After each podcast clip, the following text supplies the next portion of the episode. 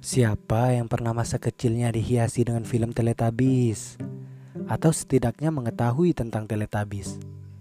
Untuk yang mungkin belum tahu, Teletubbies adalah sebuah acara televisi asal Inggris yang dikhususkan untuk penonton anak-anak usia prasekolah.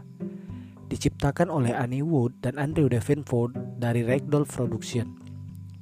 Serial ini berfokus dengan kisah keseharian empat makhluk berwarna-warni. Tinky Winky, Dipsy, Lala, dan Po yang dipanggil sebagai Teletubbies. Tapi sebenarnya tontonan anak-anak ini memiliki syarat makna. Setidaknya bagi saya, banyak filosofi yang bisa digali dan makna tersembunyi yang jarang sekali kita sadari. Teletubbies dikisahkan sebagai empat karakter.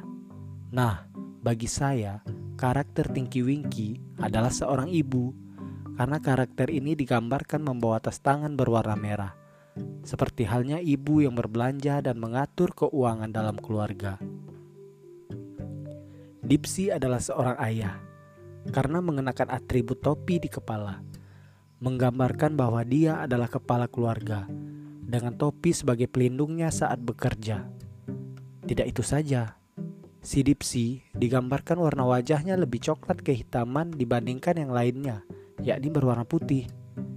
Seperti menggambarkan seorang ayah yang selalu kena terik matahari saat sedang bekerja untuk mencari nafkah. Lalu ada Lala, anak pertama yang memiliki bola kuning. Persis menggambarkan anak-anak yang masih suka bermain. Dan Po adalah si anak bungsu. Sama halnya dengan si anak pertama Lala, Po mempunyai skuter merah untuk bermain menandakan anak bungsu yang masih asik bermain dengan mainan kesayangannya. Itu tadi tentang atribut yang mereka kenakan. Lalu jika melihat dari seberapa banyak jumlah abjad, mereka mereka pun berurutan dari Tinky Winky, Dipsy, Lala, dan Po. Tak percaya? Mari kita bahas. Tinky Winky lebih banyak abjad huruf pada karakter ini T I N K Y W I N K Y. Total ada 10 huruf. Mengapa? Karena Tinky Winky diibaratkan seorang ibu. Memang seorang ibu yang paling banyak berkorban. Mulai dari mengandung, melahirkan, menyusui, merawat, membesarkan, mengatur keuangan, menyiapkan segala kebutuhan, melakukan banyak pekerjaan seperti memasak, mencuci, membereskan rumah, dan masih banyak hal lagi yang lainnya.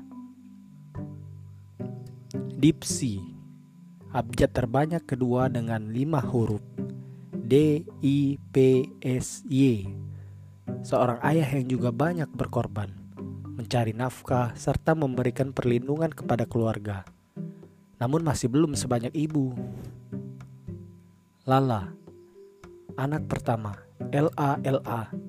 Abjadnya lebih sedikit dari Tinky Winky dan Dipsy karena pengorbanan anak pertama juga lebih sedikit daripada ibu dan ayah. Dan Po, P O O, si anak bungsu, lebih sedikit lagi, hanya tiga huruf.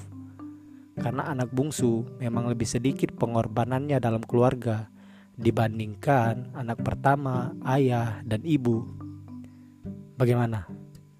Seia sekatakah Anda dengan logika saya? Atau berbeda? Yang mana pun tak masalah.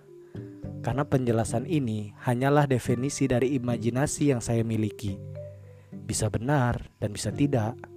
Kalian para pendengar boleh setuju dan boleh menolak.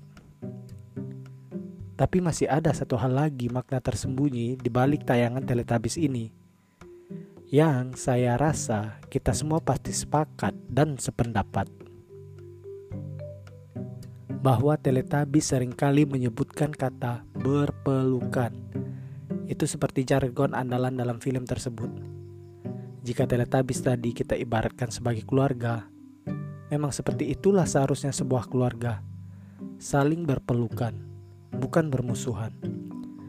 Jadi kata yang pas dan pantas untuk sebuah keluarga memang berpelukan, bukan bermusuhan. Setidaknya itulah yang Teletubbies ajarkan kepada kita. Teletubbies yang hanya boneka bisa sayang dengan keluarga. Kita yang manusia Bagaimana?